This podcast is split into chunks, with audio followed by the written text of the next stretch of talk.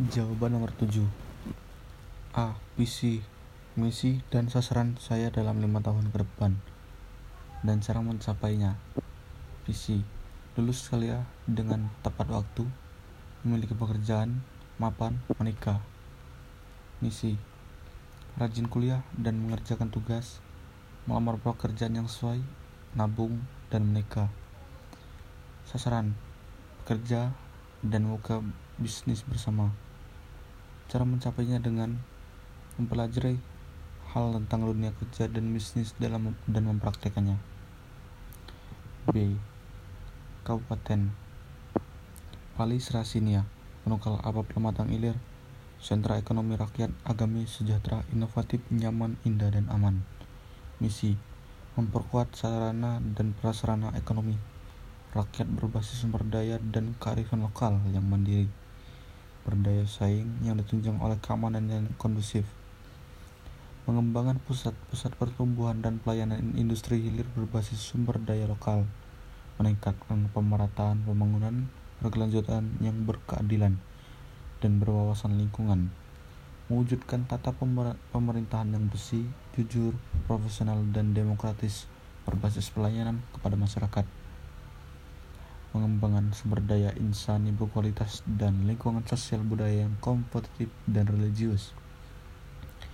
Menurut saya, sudah mencapai kriteria SMART karena sudah spesifik, relevan, terukur, dapat dipertanggungjawabkan dan periode waktu yang jelas. B. Monitoring dan evaluasi pembangunan. Monitoring memiliki fungsi manajemen yang dilakukan pada saat kegiatan yang kegiatan sedang berlangsung. Mencakup aspek-aspek antara lain penelusuran pelaksanaan kegiatan dan keluarannya fokus pada input, proses, dan output pelaporan tentang kemajuan indikasi masalah-masalah pengelolaan dan pelaksanaannya evaluasi proses menentukan nilai atau pentingnya suatu kegiatan kebijakan atau program sebuah penilaian yang objektif dan sistematik terhadap suatu intervensi yang direncanakan, sedang berlangsung ataupun yang telah diselesaikan. Mengapa perlu review perkembangan atau progres, identifikasi masalah dalam perencanaan dan atau implementasi, membuat penyesuaian yang dapat membuat perbedaan.